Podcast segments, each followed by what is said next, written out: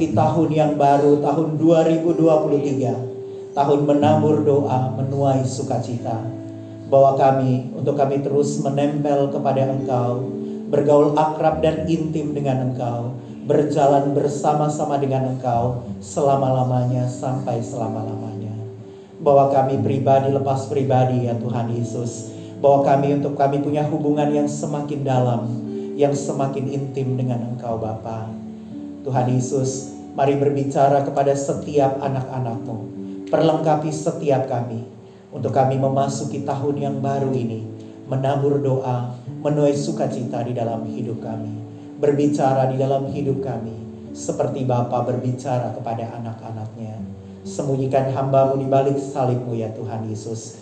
Biarlah setiap firman yang keluar dari bibir mulut lidah hambamu ini keluar dari hati yang murni, hati yang mengasihi Tuhan, hati yang mengasihi jemaat Tuhan, jemaat gereja Mawar Sharon Dumai.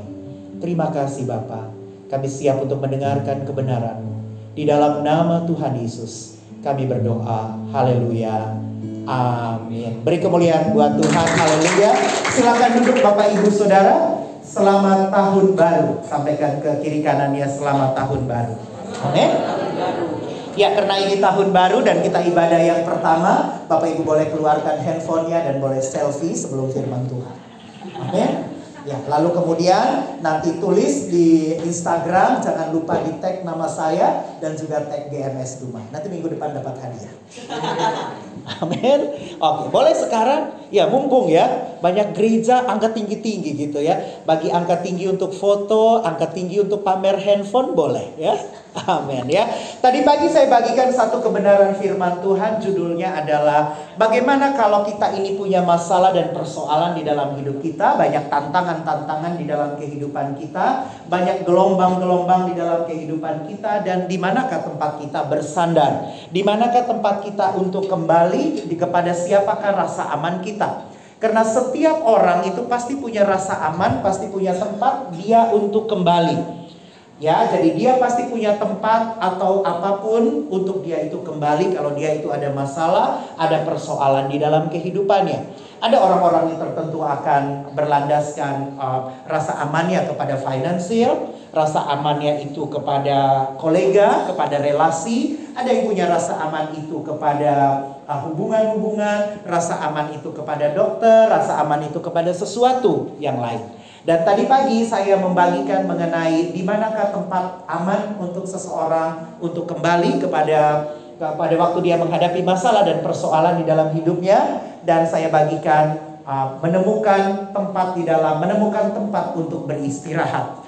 Ada uh, firman Tuhan dari Mazmur 46 itu uh, menceritakan sesuatu di dalam kehidupan kita. Jadi ada beberapa tempat untuk kita itu kembali jika ada masalah dan persoalan datang di dalam kehidupan kita.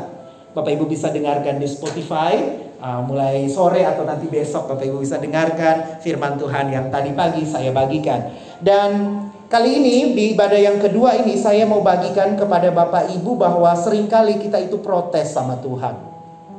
Tuhan belum jawab doa, Tuhan belum, Tuhan saya sudah berdoa, saya sudah melayani, tapi Tuhan belum memberikan sesuatu yang saya minta dan saya doakan. Saya sudah berdoa, saya sudah melayani Tuhan, tapi jodoh nggak pernah datang-datang. Saya sudah berdoa, saya sudah melayani Tuhan, tapi pekerjaan saya biasa-biasa saja, usaha saya juga mungkin banyak gagal dan seterusnya. Saya sudah berdoa, saya sudah melayani Tuhan, tetapi jadi kita sering kali protes Tuhan seolah-olah Tuhan belum mengerjakan sesuatu di dalam kehidupan kita. Tuhan belum melakukan sesuatu di dalam apa yang kita kerjakan, apa yang kita lakukan di dalam kehidupan kita ini. Amin. Kita sering kali protes kepada Tuhan. Habakuk 1 ayat 2 sampai 4 berkata demikian. Berapa lama lagi Tuhan? Aku berteriak tetapi tidak kau dengar. Aku berseru kepadamu penindasan tapi tidak kau tolong. Jadi Habakuk ini berteriak kepada Tuhan. Habakuk protes kepada Tuhan. Habakuk menyampaikan komplain kepada Tuhan. Tuhan, berapa lama lagi? Aku berteriak, aku berdoa, aku melayani engkau. Tapi engkau tidak dengar aku. Aku berseru kepadamu, tapi engkau tidak menolong aku. Lalu ayat yang ketiga berkata, Mengapa engkau memperlihatkan kepadaku kejahatan? Sehingga aku memandang kelaliman. Ya, aniaya dan kekerasan ada di depan mataku. Perbantahan dan pertikaian terjadi. Tuhan, kenapa Engkau izinkan semua ini terjadi di dalam kehidupanku? Kenapa engkau izinkan aku melihat hal-hal yang buruk terjadi di sekelilingku? Kenapa engkau izinkan aku melihat sakit penyakit? Kenapa engkau izinkan aku melihat aku melihat hal-hal yang buruk terjadi di tengah-tengah keluargaku, di tengah-tengah uh, pekerjaanku, di tengah-tengah usahaku, bahkan di tengah-tengah pelayananku? Kenapa engkau memperlihatkan semua hal buruk ini terjadi di dalam kehidupanku? Habakuk protes. Habakuk sampaikan dia punya komplain kepada Tuhan. Itulah sebabnya hukum kehilangan kekuatannya ayat 4 dan tidak pernah muncul keadilan sebab orang fasik mengepung orang benar. Itulah sebabnya keadilan muncul terbalik. Habakuk bilang, kenapa orang-orang yang tidak berdoa? Kenapa orang-orang yang tidak melayani Tuhan? Kenapa orang-orang yang tidak mencintai Tuhan justru diberkati berlipat kali ganda? Justru hidupnya baik-baik saja sementara saya berdoa. Sementara saya menyembah Tuhan. Sementara saya melayani Tuhan, tapi kenapa hal-hal buruk ini terjadi di dalam kehidupan kita? Seringkali kita mengeluh, kita protes kepada Tuhan, Tuhan tidak adil, Tuhan tidak menolong, aku sudah berdoa, aku sudah melayani Tuhan, tapi Tuhan tidak melakukan perkaranya di dalam kehidupanku. Hari ini saya akan bagikan beberapa kebenaran tentang doa. Karena tahun ini adalah tahun menabur doa, menuai sukacita di dalam kehidupan kita yang menabur dengan cucuran air mata firman Tuhan katakan akan menuai dengan sorak-sorai. Setelah kita menemukan tempat aman kita tadi pagi, setelah kita menemukan tempat aman kita di dalam Tuhan, sekarang kita mau belajar sama-sama bagaimana kebenaran-kebenaran tentang doa di dalam kehidupan kita. Saya pelajari di dalam firman Tuhan bahwa doa itu ternyata mempunyai tingkatannya. Jadi ada tingkatan-tingkatan doa. Yohanes 16 ayat 23 sampai 24 berkata demikian. Dan pada hari itu aku tidak akan menanyakan apa kamu saya ulangi dan pada hari itu kamu tidak akan menanyakan apa-apa kepadaku. Aku berkata kepadamu sesungguhnya segala sesuatu yang kamu minta kepada Bapa akan diberikan ya kepadamu dalam namaku. Ayat 24 sampai sekarang kamu belum meminta sesuatu pun dalam namaku. Mintalah, maka kamu akan menerima supaya sukacitamu, sukacita, supaya penuhlah sukacitamu. Kenapa Tuhan belum menjawab doa Anda, Bapak Ibu Saudara? Jangan-jangan Anda belum memintanya. Amin. Kenapa kok jodoh belum datang? Kenapa pekerjaan belum datang? Kenapa usaha kok belum ada kemajuan? Kenapa pasangan hidup kita begini dan begitu dan seterusnya? Firman Tuhan kita katakan, jangan-jangan kita belum memintanya. Sesungguhnya segala sesuatu yang kamu minta kepada Bapa akan diberikan kepadamu dalam namaku. Sampai sekarang kamu belum meminta sesuatu pun dalam namaku. Mintalah, maka kamu akan menerima supaya penuhlah sukacitamu. Amin. Kita perlu meminta kepada Tuhan. Jadi tingkat pertama dari doa adalah meminta. Katakan meminta. Sekali lagi, meminta. Bapak Ibu punya pergumulan? Amin. Dari wajah-wajahnya wajah-wajah banyak pergumulan. Amin. Tapi apakah Bapak Ibu sudah meminta kepada Tuhan? Bapak Ibu sudah sampaikan permintaan Bapak Ibu kepada Tuhan? Bapak Ibu harus minta. Karena firman Tuhan katakan supaya sukacitaku penuh, kata Tuhan. Amin. Jadi, jika kita meminta, Tuhan memberikannya kepada kita, dan kita akan menerimanya. Jadi, tingkat pertama dari doa adalah meminta. Tuhan mau supaya kita meminta, dan siapa yang meminta akan menerima. Jadi, sebelum Bapak, Ibu, saudara menuding Tuhan, Sebelum Bapak Ibu Saudara protes pada Tuhan, sebelum Bapak Ibu Saudara menyampaikan komplain kepada Tuhan, kenapa Tuhan tidak jawab doa saya? Kenapa Tuhan belum melakukan ini itu dan seterusnya? Tanyakan kepada diri. Apakah kita sudah meminta kepada Tuhan atau kita belum meminta kepada Tuhan? Sekarang kita mau meminta seperti apa?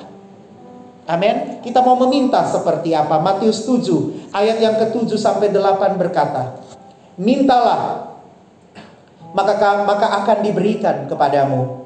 Carilah, maka kamu akan mendapat. Ketuklah, maka pintu akan dibukakan bagimu.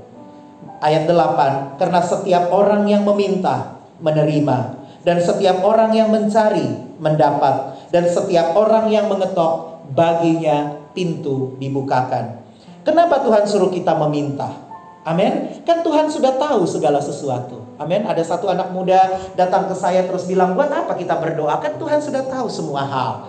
Tuhan bahkan sebelum saya lahir pun Tuhan sudah tahu apa yang saya butuhkan, apa yang saya perlukan. Tuhan sudah tahu segala sesuatu di dalam kehidupan saya. Kenapa saya harus berdoa? Amin. Tuhan mau supaya kita meminta kepada Dia, supaya kita berdoa. Tuhan mau melihat kesungguhan hati kita. Itulah kenapa firman Tuhan katakan kamu meminta menerima, mencari mendapat, ketuk pintu akan dibukakan bagimu. Pertanyaannya kita mau meminta seperti apa? Orang yang mengetuk tidak mungkin mengetuk sekali. Amin. Ketuk sekali aja, itu aja udah tiga kali. Tok tok tok. Amin. Itu ketuk sekali.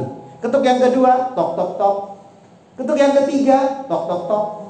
Ketuk itu dilakukan berulang-ulang. Jadi Bagaimana kita meminta? Kita meminta dengan sebuah kesungguhan hati. Apakah kita sudah betul sungguh-sungguh untuk meminta kepada Tuhan? Kadang-kadang kita perlu meminta karena kadang-kadang kita nggak tahu apa yang kita minta. Kita suka kali latah. Amin. Orang lain jadian, kita juga pengen jadian. Orang lain menikah, kita juga pengen segera menikah. Orang lain punya usaha, kita pengen punya usaha. Orang lain kerja, kita pengen kerja. Jadi Tuhan kadang-kadang kita berdoa, berdoa untuk sesuatu yang kita tidak ketahui. Itulah kenapa kita harus berdoa dengan sungguh-sungguh supaya kita tahu apa yang kita doakan dan apa yang kita butuhkan, apa yang kita perlukan di dalam kehidupan kita. Amin. Berdoa dengan kesungguhan hati supaya kita tidak menjadi orang yang latah. Tapi kita tahu apa yang kita doakan, kita tahu apa yang kita butuhkan. Amin. Kalau kita bekerja di sebuah kantor, di sebuah perusahaan, saya bekerja di perusahaan, kadang-kadang saya meminta atau sesu meminta kepada manajemen untuk menyetujui sesuatu, lalu saya tidak follow up. Manajemen berpikir bahwa oh mungkin dia nggak terlalu butuh, karena ada hal-hal yang lain yang lebih dibutuhkan, lebih diperlukan, yang meminta, meminta, yang meminta, yang follow up, follow up, follow up sampai dengan apa yang proposal itu disetujui. Kalau saya cuma minta sekali, Lalu saya berharap proposal langsung segera disetujui. Jangan-jangan saya tidak serius meminta ini. Jangan-jangan saya betul-betul tidak serius. Saya cuma ikut-ikutan aja ngajukan proposal. Amin. Jadi Tuhan min Tuhan mau kebenaran yang pertama tingkat doa yang pertama adalah meminta Tuhan mau kita meminta kepada Tuhan dan meminta seperti apa Tuhan mau kita memintanya dengan sungguh-sungguh. Kenapa sungguh-sungguh supaya Tuhan tahu bahwa itulah yang benar-benar kita butuhkan di dalam kehidupan kita dan kita tidak sedang latah, kita tidak sedang ikut-ikutan. Ada anak muda yang mungkin mau kuliah, kadang-kadang ikutan sama teman. Teman kuliah ekonomi, dia pindah ekonomi. Teman kuliah di hukum, dia pikir kok hukum bagus ya, pindah hukum. Kerja juga begitu. Kadang-kadang ada satu orang kerja di A, terus pindah kerja di B, pindah kerja ke C, dan seterusnya. Lalu akhirnya dia nggak pernah jadi apa-apa. Kenapa? Karena dia nggak tahu apa yang dia butuhkan. Dia nggak tahu apa yang dia perlukan. Di dalam doa juga demikian. Kenapa kita harus meminta?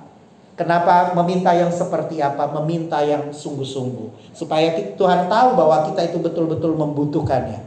Karena Tuhan bekerja berdasarkan iman kita. Tuhan bekerja sesuai dengan apa yang kita inginkan, apa yang apa yang kita butuhkan di dalam kehidupan kita. Ada ada yang minta tapi tidak punya iman.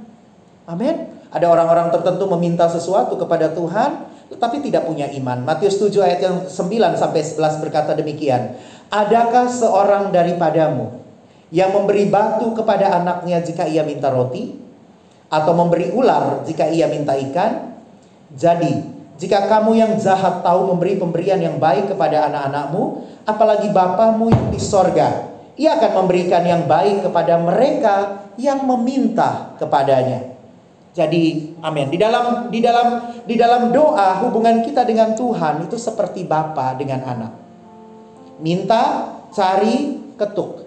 Bapa mana di dunia ini yang kalau anaknya minta ikan atau roti dan dikasih batu atau ular? Bapak pasti memberikan yang terbaik di dalam kehidupan kita. Dan Kebenarannya adalah kita meminta kepada Bapa kita. Amin. Kita meminta kepada Bapa kita. Tadi pagi di Mazmur 46, 46 dia bilang, Allah itu bagi kita. Amin. Allah itu bagi kita. Allah itu bagi kita sebagai penolong. Ya gimana?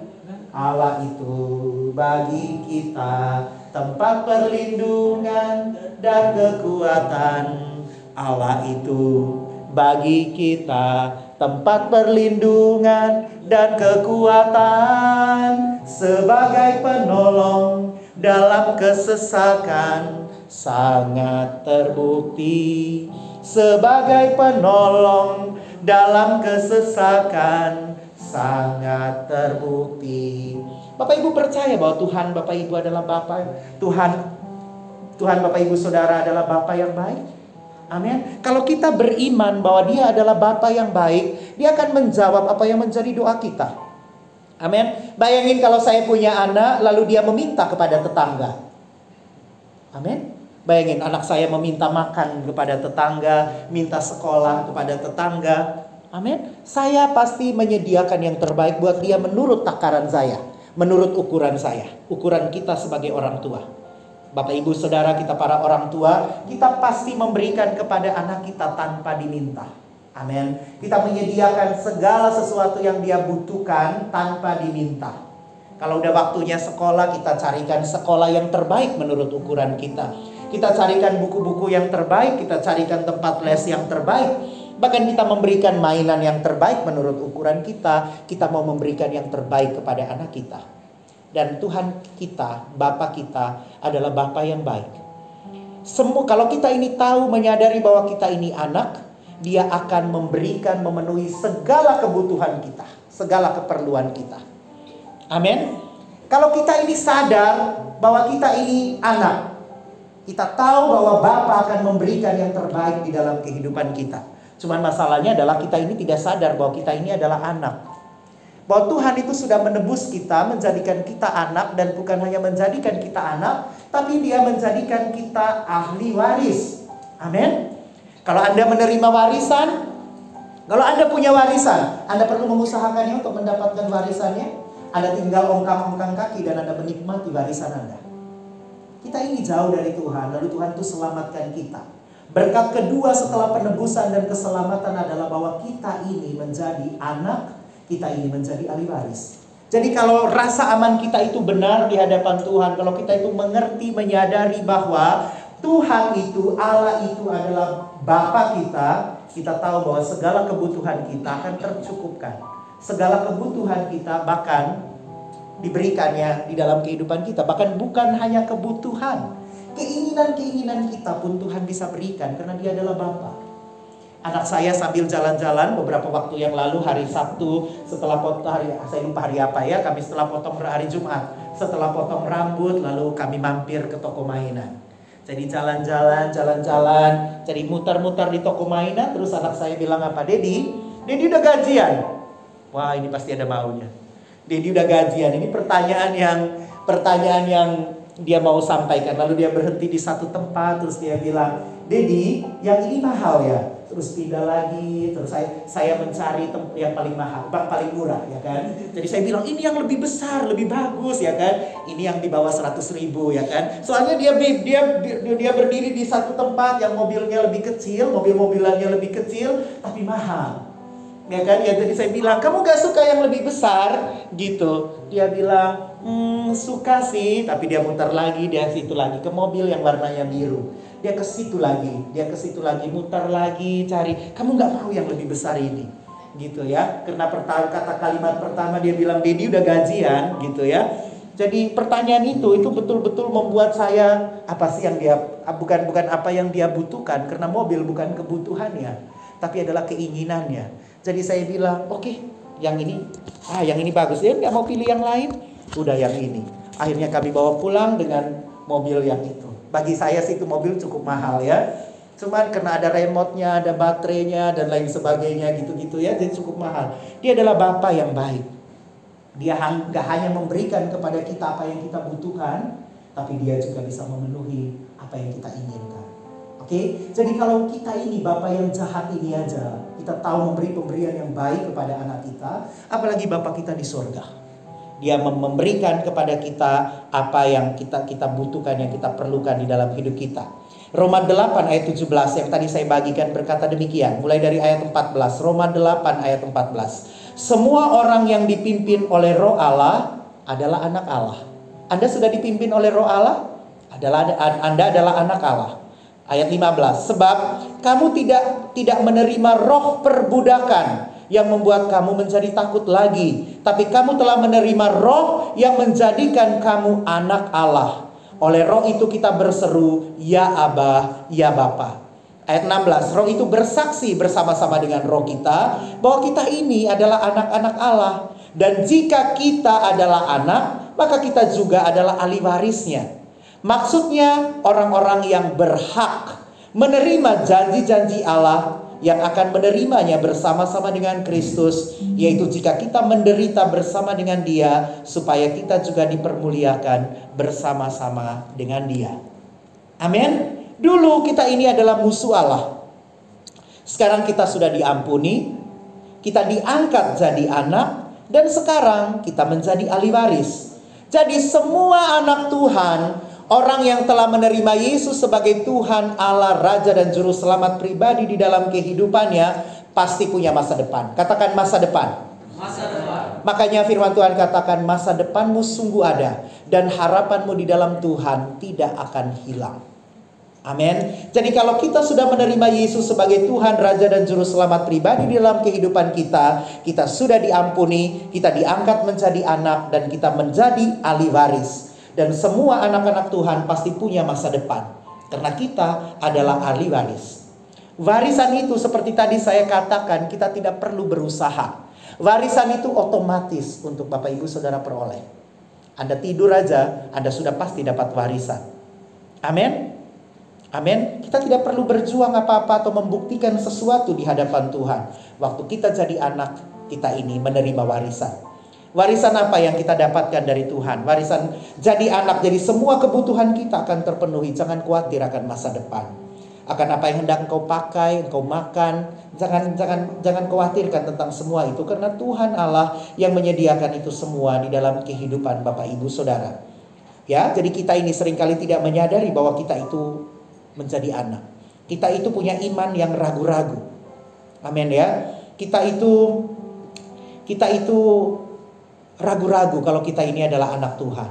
Amin ya. Tapi kalau kita percaya Tuhan yang akan melakukan itu karena dia adalah Bapa yang baik, dia akan mengerjakan semua itu di dalam kehidupan kita. Hari ini biarlah kebenaran ini memerdekakan Bapak Ibu Saudara. Kalau Bapak Ibu tahu bahwa Bapak Ibu adalah anak dan dia adalah Bapak yang baik, Bapak Ibu perlu meminta kepada Tuhan. Meminta dengan iman. Meminta dengan kesungguhan hati kepada Tuhan. Amin. Jadi tingkat yang pertama kita berdoa, tingkat yang pertama adalah meminta dari Tuhan. Amin. Ada amin Bapak Ibu Saudara? Amen. Bapak Ibu belajar sesuatu? Amen. Jadi Bapak Ibu bilang, saya anak Tuhan. Saya anak Tuhan. Saya anak Bapak. Saya anak Bapak. Ya, jadi itu yang pertama kita ini adalah anak Bapa. Amin. Jadi jangan takut, jangan ragu untuk datang kepada Bapa. Amin. Dia adalah dia bukan hanya Bapa, tapi Bapa yang baik. Kalau Bapa yang jahat seperti kita ini, kita Bapak-bapak ini, adalah Bapa yang jahat aja tahu memberi pemberian yang baik kepada anak kita, apalagi Bapak kita yang di surga. Amin ya. Apalagi Bapak kita yang di surga. Bapak kita tahu memberi pemberian yang baik kepada kita. Tingkat yang kedua dari doa adalah mendengarkan. Jadi kita sering kali sudah meminta, meminta, meminta, kok Tuhan gak jawab ya? Jangan-jangan Tuhan Tuhan tuh sudah jawab tapi kita tidak dengar. Karena itu jangan langsung protes sama Tuhan. Jangan langsung komplain sama Tuhan. Jangan langsung tanya Tuhan ini, itu, ini, itu, dan lain sebagainya. Tapi yang kedua, setelah kita meminta, dengarkan Tuhan. Esensi daripada komunikasi itu adalah dua arah. Komunikasi itu dua arah. Komunikasi itu berbicara dan mendengarkan. Amin. Dan doa adalah komunikasi kita dengan Tuhan. Dan komunikasi itu tidak pernah satu arah. Komunikasi itu harus dua arah. Doa kita tidak hidup, tidak bergairah. Kenapa? Karena kita hanya meminta. Meminta, meminta, meminta. Dan sekali lagi tidak salah kita meminta. Karena kita ini anak. Dan dia itu adalah Bapa. Kita meminta, kita meminta, tapi kita juga harus terus bertumbuh, terus bergerak supaya kita itu menjadi dewasa. Jadi komunikasi itu dua arah kita memberitahu Tuhan, lalu kita mendengarkan apa kata Tuhan di dalam kehidupan kita. Saya lihat beberapa anak muda gereja Mawar Sharon suka sekali pergi ke kafe. Ya, jadi mereka berCG di kafe, ngobrol di kafe, uh, follow up orang di kafe, ketemu meeting apa segala macam di kafe, mereka pergi ke sana. Bapak Ibu Saudara, kalau Bapak Ibu pergi ke kafe lalu duduk di pojok lalu bicara dengan tembok. Amin. Apa beberapa di antara Anda yang mungkin ke kafe lalu ngomong sama tembok, "Gimana kabarmu?" Itu jam 7 lewat 5 ya. Kalau Anda Anda ada di kafe lalu Anda bicara dengan tembok. Tapi bayangin kalau dua tiga orang ngobrol seru terus saling menimpali terus saling saling uh, apa itu namanya apa bahasa kasihnya anak-anak ini ya saling bully satu sama lain dan seterusnya lalu mereka menikmati pada waktu mereka ada TikTok ya ada ada ngomong balas ngobrol dan seterusnya Tuhan juga demikian jadi kita bukan hanya meminta, tapi kita juga mendengarkan apa yang Tuhan hendak katakan di dalam kehidupan kita. Ada tiga alasan kenapa doa kita itu seolah-olah Tuhan belum jawab. Pertama, barangkali doa yang belum dijawab itu karena belum waktunya. Tidak digenapi karena memang belum waktunya. Bayangkan anak saya SD kelas 2 lalu dia minta supaya dia bisa nyetir mobil atau dibelikan mobil. Kan belum waktunya. Amin? Belum waktunya untuk dia. Dia punya dia punya dia papanya punya tapi belum dikasih. Kenapa? Kunci itu belum dikasih. Karena memang belum waktunya itu diberikan kepada dia. Amin? Yang kedua jangan-jangan memang anda belum siap untuk menerimanya kenapa kok jodoh belum datang-datang anda urusi diri sendiri aja belum gimana jodoh mau datang anda beresi dulu diri anda jadi Tuhan mengerjakan sesuatu yang lebih baik di dalam kehidupan anda dan yang ketiga, kenapa doa Anda seolah-olah belum dijawab? Karena jawabannya memang tidak. Amin ya. Tidak juga adalah jawaban dari doa. Amin ya. Jadi kemungkinan karena Anda belum siap, belum waktunya. Yang kedua adalah Ya, yang pertama adalah karena belum waktunya, yang kedua karena Anda belum siap, yang ketiga memang jawabannya tidak. Amin ya. Jadi anak muda, Bapak Ibu Saudara, kalau doa Anda belum terjawab, Anda ingat ini. Nah, ya ya. Jadi mari kita terus belajar untuk kita tidak hanya terus meminta, tapi kita juga mendengar. Mendengar dari Tuhan.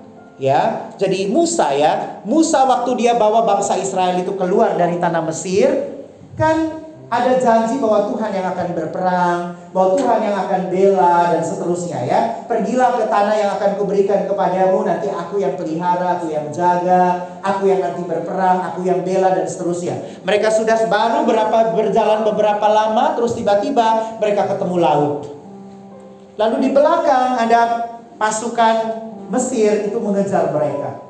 Amin. Bayangin kalau Musa terus berteriak, Tuhan tolong kami, tolong kami, tolong kami. Dia nggak bisa ke mana-mana karena Tuhan menjawab doa melalui kalau Musa mendengar. Lalu Musa dengar apa? Tuhan bilang apa? Karena tadi janjinya apa? Tuhan yang berperang, Tuhan yang bela. Tapi Tuhan ternyata kalau Musa tidak dengar, Musa bisa salah. Karena Tuhan bilang pada Musa, angkat tongkatmu. Jadi tongkatnya harus diangkat, lalu suruh orang itu maju melewati laut itu, supaya laut itu terbelah. Amin ya. Jadi kalau Musa tidak mendengar, Musa pasti salah sangka. Amin ya. Karena ayat-ayat sebelumnya bilang Tuhan yang berperang bagi kita. Ternyata Tuhan tidak Tuhan Tuhan yang Tuhan lakukan apa? Tuhan memberi perintah. Bukan Tuhan berperang, bukan Tuhan langsung berperang, tapi Tuhan memberi perintah kepada mereka.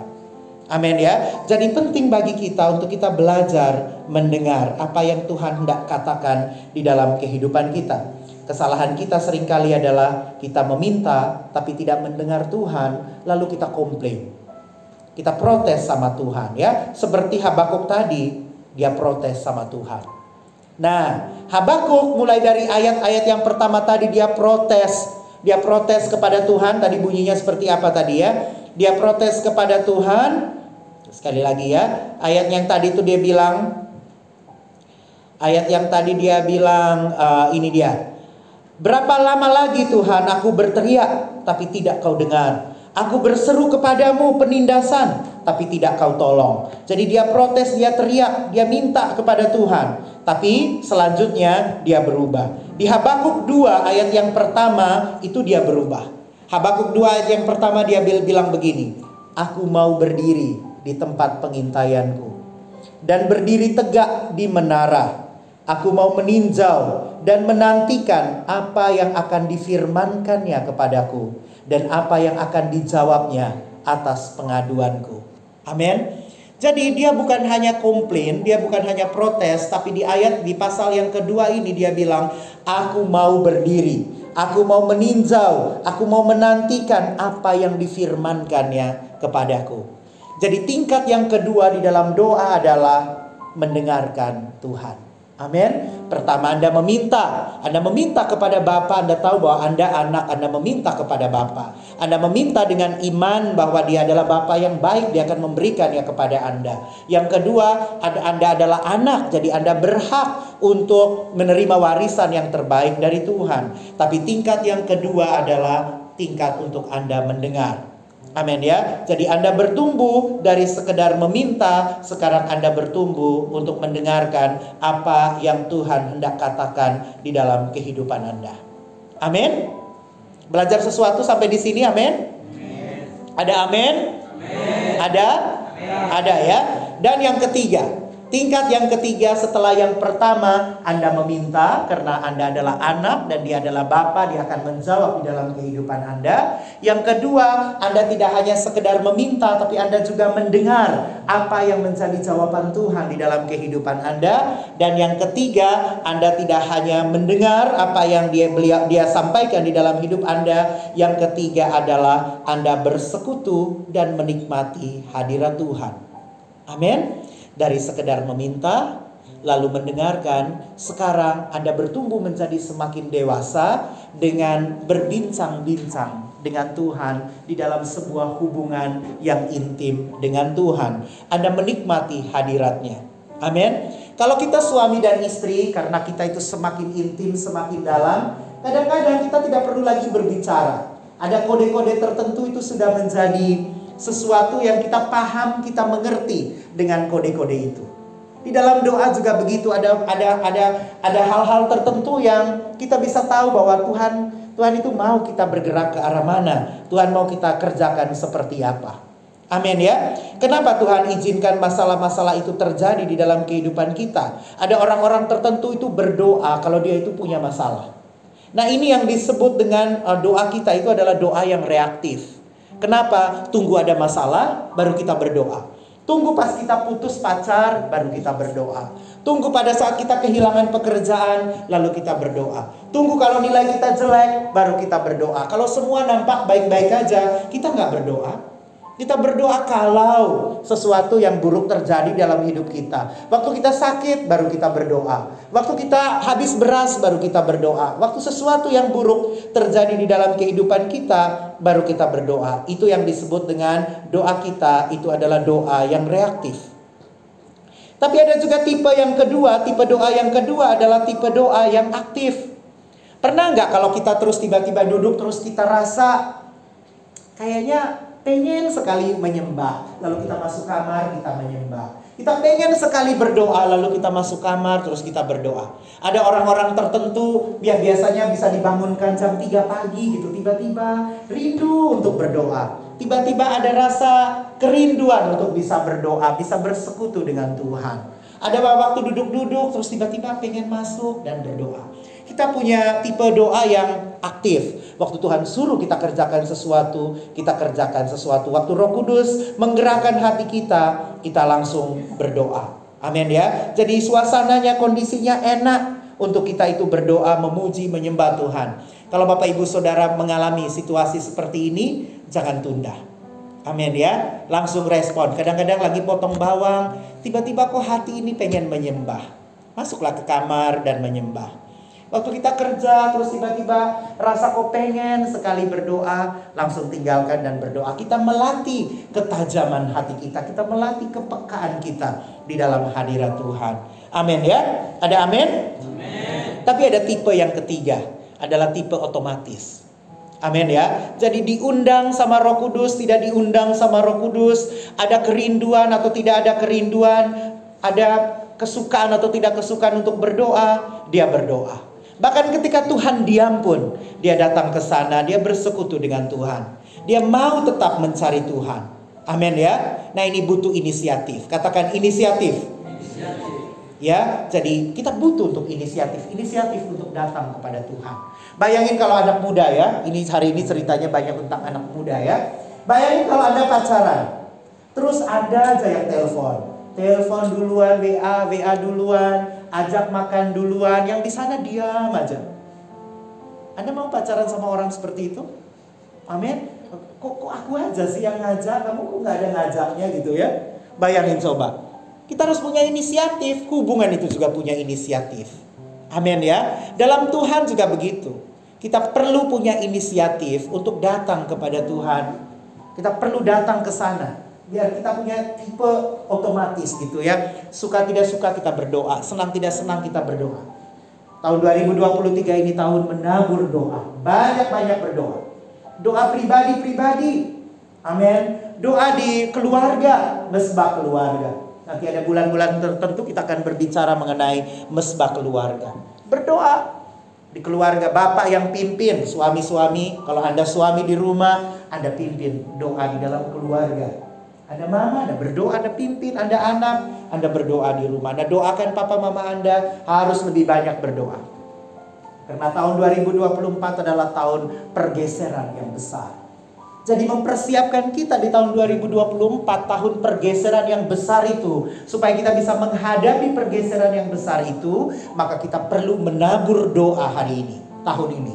Kita menabur doa menuai sukacita di dalam kehidupan kita mempersiapkan kita untuk pergeseran yang besar di tahun berikutnya tahun 2024 amin amin jadi banyak-banyak berdoa di CG-CG berdoa Dua tiga orang kumpul berdoa di kantor ajak orang berdoa. Dengan dengan dengan dengan tim Anda berdoa di kantor di tempat kerja, di tempat usaha Anda mulai dengan doa. Banyak-banyak nabur doa. Menabur dengan cucuran air mata akan menuai dengan sorak-sorai. Amin. Kita berdoa bagi kota ini. Kita berdoa bagi kota Duma ini. Usahakan kesejahteraan bagi kota di mana engkau aku buang. Karena kesejahteraan kota ini adalah kesejahteraan bagimu juga. Amin ya. Kita berdoa supaya revival, kebangunan rohani personal revival, church revival itu terjadi di dalam kehidupan kita. Kita mau berdoa supaya jemaat Allah ini mengalami Tuhan di dalam kehidupan mereka. Kita berdoa, kita menabur doa banyak-banyak. Amin. Amin. Ada amin? amin? Jadi mari ya, mari sama-sama Bapak Ibu Saudara, mari kita bangun. Bangun sama-sama kehidupan doa ini di hadapan Tuhan. Kita bangun sama-sama. Jangan langsung protes sama Tuhan anak muda, jangan protes kalau hidupmu biasa-biasa aja. Jangan langsung protes, jangan juga meninggalkan Tuhan apalagi mempersalahkan Tuhan. Amin. Anda mau menggantikan Tuhan? Mau mempersalahkan Tuhan? Mau melempar kesalahan kepada Tuhan? Amin. Amin. Kenapa kok Tuhan bisa menghukum orang yang baik, orang yang baik kok bisa kayak begitu dan lain lalu kita bilang Tuhan jahat. Tuhan nggak jahat, manusia ini sudah jatuh di dalam dosa, amin. Itu adalah kebenarannya. Kebenarannya Tuhan, ada anak muda juga, ada anak kecil mungkin tanya, kalau Tuhan sayang sama kita, kenapa Tuhan ciptakan neraka? Hei, Tuhan gak ciptakan neraka buat you. Tuhan ciptakan neraka itu untuk membuat membuang malaikat yang jatuh. Amin. Malaikat yang jatuh Tuhan buang, Tuhan buat neraka itu buat malaikat. Anda jatuh, Tuhan utus anaknya untuk menyelamatkan Anda. Itulah kenapa kita datang ke gereja beribadah menyembah Tuhan. Karena Anda diciptakan serupa dan segambar dengan Allah. Malaikat enggak. Amin. Karena itu Anda nggak boleh berbicara sama malaikat. Amin. Anda bahkan Anda berdoa kepada malaikat. Anda hanya berdoa kepada Tuhan. Amin.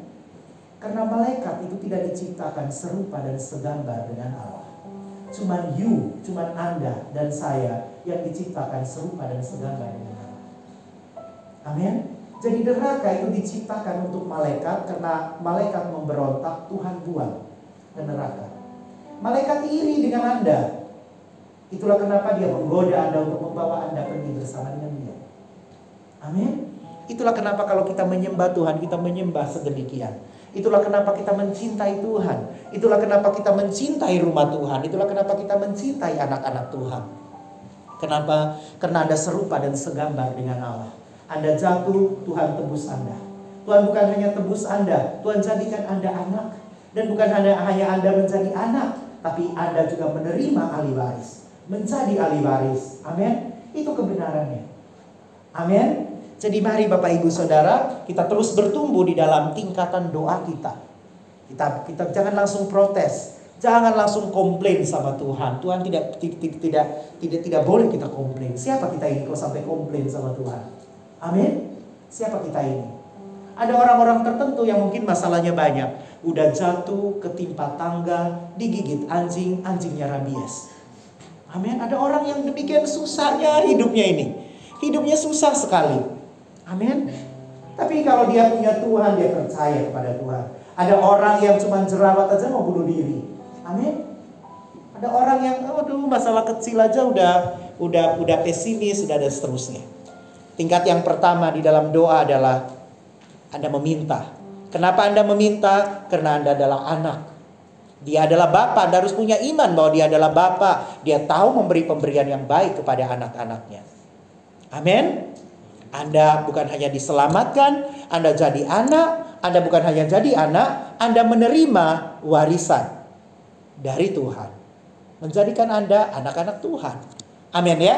Dan tingkat yang kedua, Anda tidak hanya minta, minta, minta, tapi Anda juga memberi telinga Anda untuk mendengar dari Tuhan. Tuhan tidak bicara apa di dalam masalah saya ini. Tuhan sedang bicara apa di dalam persoalan saya ini. Amin. Dan yang ketiga, baik tidak baik waktunya, kita terus otomatis datang kepada Tuhan. Kita punya inisiatif untuk terus bersekutu dengan Tuhan. Amin. Jadi saya pergi sama anak saya terus ngobrol-ngobrol dan lain sebagainya. Kadang-kadang diam aja, kadang-kadang mengerjakan hal-hal yang hal-hal yang uh, hal-hal yang biasa begitu ya. Tapi kami membangun hubungan. Dia nggak hanya minta, waktu dia bilang, Dedi udah gajian, wow semua lancar dah semua dikasih dan seterusnya. Amin. Kenapa? Karena ada hubungannya di dalam di sana. Amin. Saya undang tim PAW untuk maju ke depan. Bapak Ibu Saudara, ini adalah tahun tahun menabur doa menuai sukacita. Banyak-banyak berdoa. Banyak-banyak minta personal revival, kebangunan rohani personal, kebangunan rohani pribadi. Itu biar lahir di dalam hati Anda, dan kemudian karena personal revival, keluarga Anda juga mengalami kebangunan rohani. Mungkin suami Anda yang jarang ke gereja sekarang jadi cinta Tuhan. Anak-anak Anda yang tidak suka membaca firman Tuhan, sekarang mereka mencintai firman Tuhan karena mengalami kebangunan rohani di dalam kehidupan mereka. CG-CG dibangkitkan. Amin. Anda mengalami transformasi di dalam kehidupan Anda. Anda mengalami perubahan mengalami sesuatu yang besar di dalam kehidupan Anda karena Tuhan ada di dalam hidup Anda. Banyak-banyak menabur doa ya. Banyak-banyak menabur doa di tahun 2023 ini.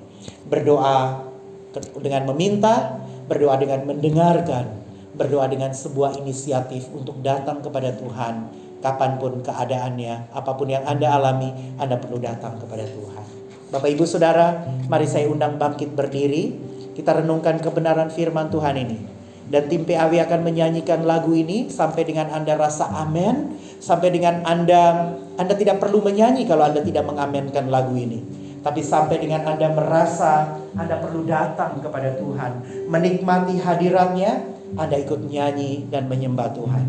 Pada saat Anda menyembah Tuhan, saya ingin Anda memastikan bahwa Tuhan memberikan berkat-berkat awal tahunnya di dalam hidup Anda berkat di awal musim akan diberikan di dalam hidup Anda.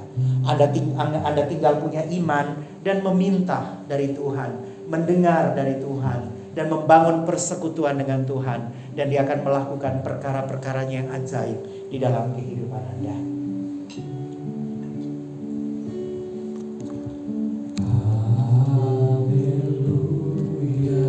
Haleluya. Sembah dia.